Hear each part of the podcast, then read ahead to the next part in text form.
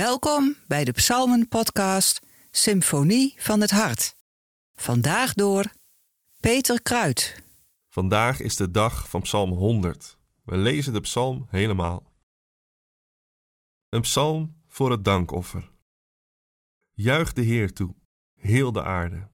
Dien de Heer met vreugde. Kom tot Hem met jubelzang. Erken het, de Heer is God. Hij heeft ons gemaakt, Hem behoren wij toe. Zijn volk zijn wij, de kudde die Hij wijdt. Kom zijn poorten binnen met een loflied, hef in zijn voorhoven een lofzang aan. Breng hem hulde, prijs zijn naam. De Heer is goed, zijn liefde duurt eeuwig, zijn trouw van geslacht op geslacht.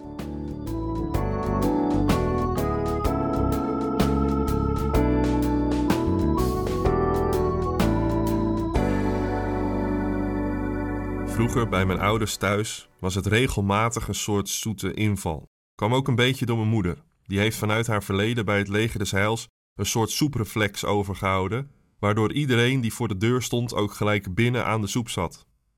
Maar ook pleegkinderen, logés, studenten, van alles.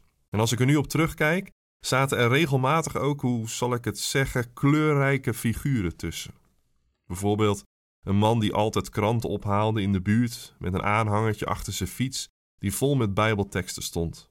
Een hele bijzondere man. Soms ook wel een heel erg aanwezige man, had ik het idee. Maar als mijn ma hem zat was, zette ze hem ook zo weer de deur uit. Maar hij kwam altijd weer terug. Of tante Hanneke, een eenzame vrouw die, als ik er achteraf over nadenk, eigenlijk helemaal niet zo aardig was.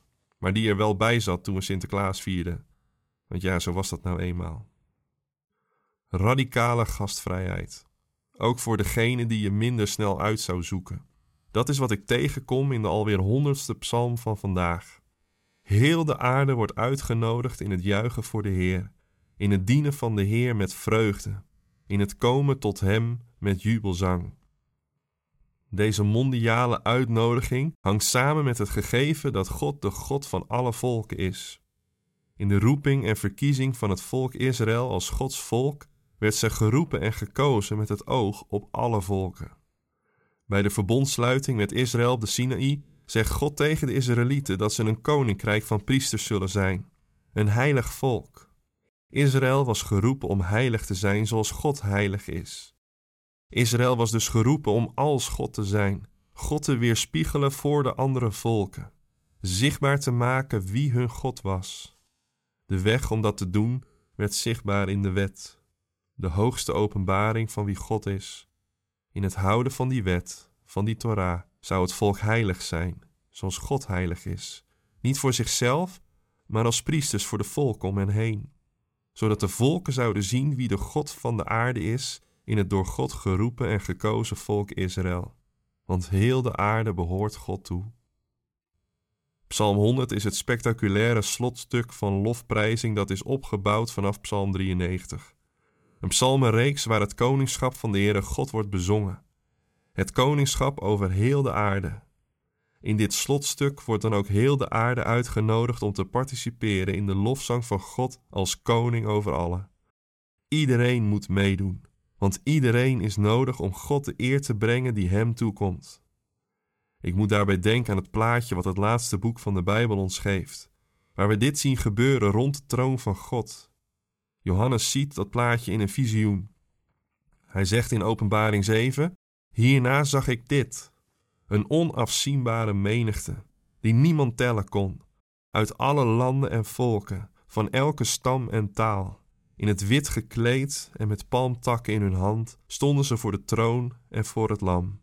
En luid riepen ze: De redding komt van onze God, die op de troon zit, en van het lam. Alle landen en volken zijn nodig om God de eer te geven. Eén volk of één taal zou een te eenzijdige lofprijzing zijn. Iedereen is nodig, want God is een God van heel de aarde. Tegelijkertijd zien we vandaag hoe ver onze werkelijkheid bij dit beeld vandaan staat. Dat begon al bij de roeping en verkiezing van het volk Israël als heilig priestergeslacht te midden van de volken. De beschrijving van de geschiedenis van dit volk in het Eerste Testament leert ons dat zij die roeping en verkiezing regelmatig niet waar wisten te maken. Hoe ze vaak niet heilig waren, zoals God heilig is, maar gingen lijken op de volken om hen heen, waardoor ze haar priesterlijke taak niet kon vervullen. Ook de kerk is niet altijd het aantrekkelijke middelpunt van de samenleving. Hoewel Jezus de kerk roept tot het zijn van zout voor de aarde en licht voor de wereld, heeft ze die rol niet altijd weten te vervullen.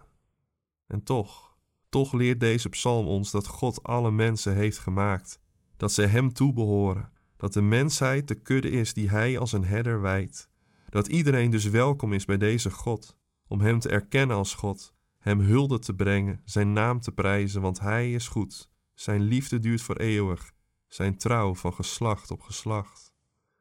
We mogen deze God als priesters representeren aan de wereld om ons heen, door bijvoorbeeld net als deze God radicaal gastvrij te zijn, te zeggen: Je bent welkom, ook als je niet op ons lijkt.